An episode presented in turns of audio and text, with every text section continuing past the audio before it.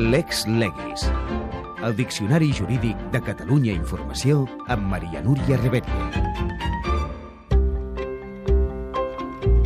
Grup Educatiu de Convivència. Què és? Respon Elisenda Camps, coordinadora d'aquesta unitat. Aquest recurs és un grup educatiu que vol treballar la violència filioparental entenent que és un, no és una qüestió només del noi que ha estat denunciat, sinó un conflicte amb la família i llavors abordem el problema de la violència filioparental des de la doble vessant, amb els joves i amb els pares.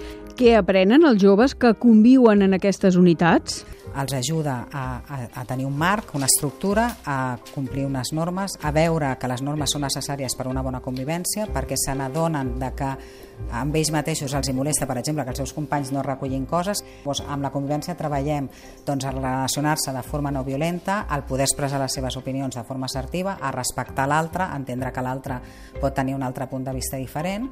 Quin treball es fa amb els pares? I amb els pares també treballem a l'empoderament.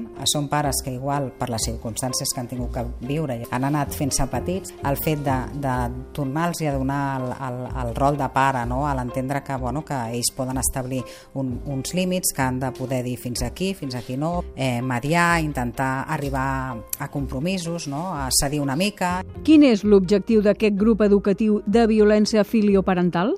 Mira, nosaltres treballem en base a que puguin eh, retornar al domicili familiar en tots els casos. Vale? Ara després ens podem trobar en, en casos diferenciats, és a dir, aquest és el primer objectiu. Pot posar un exemple d'aquests casos diferenciats? Per exemple, nanos que igual doncs tenen com el Ramon que igual té ja 19 anys i que dius, bueno, igual en el teu cas el que plantegem és més un procés d'emancipació doncs en aquest cas, o fins i tot, per exemple, pot haver-hi casos que siguin més petits i llavors igual el que ja és una situació que valorem nosaltres de desemparament i llavors ho posem en coneixement de les instàncies corresponents, però en aquests casos igualment sempre treballem perquè almenys es puguin trobar i veure's. D'alguna manera la relació no estigui mediatitzada per la violència. Quants professionals treballen en aquesta unitat de Barcelona? Al total hi ha sis educadors que fan un al torn de matí, un al torn de tarda, dos al torn de nit però que treballen de forma alterna, una setmana sí, una setmana no, i dos al cap de setmana.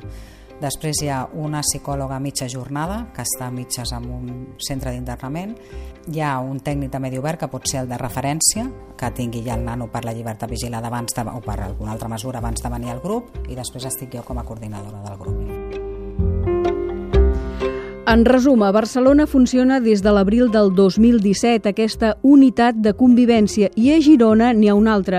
Només poden acollir joves que hagin comès delictes de violència filioparental no molt greus quan tenien entre 14 i 18 anys.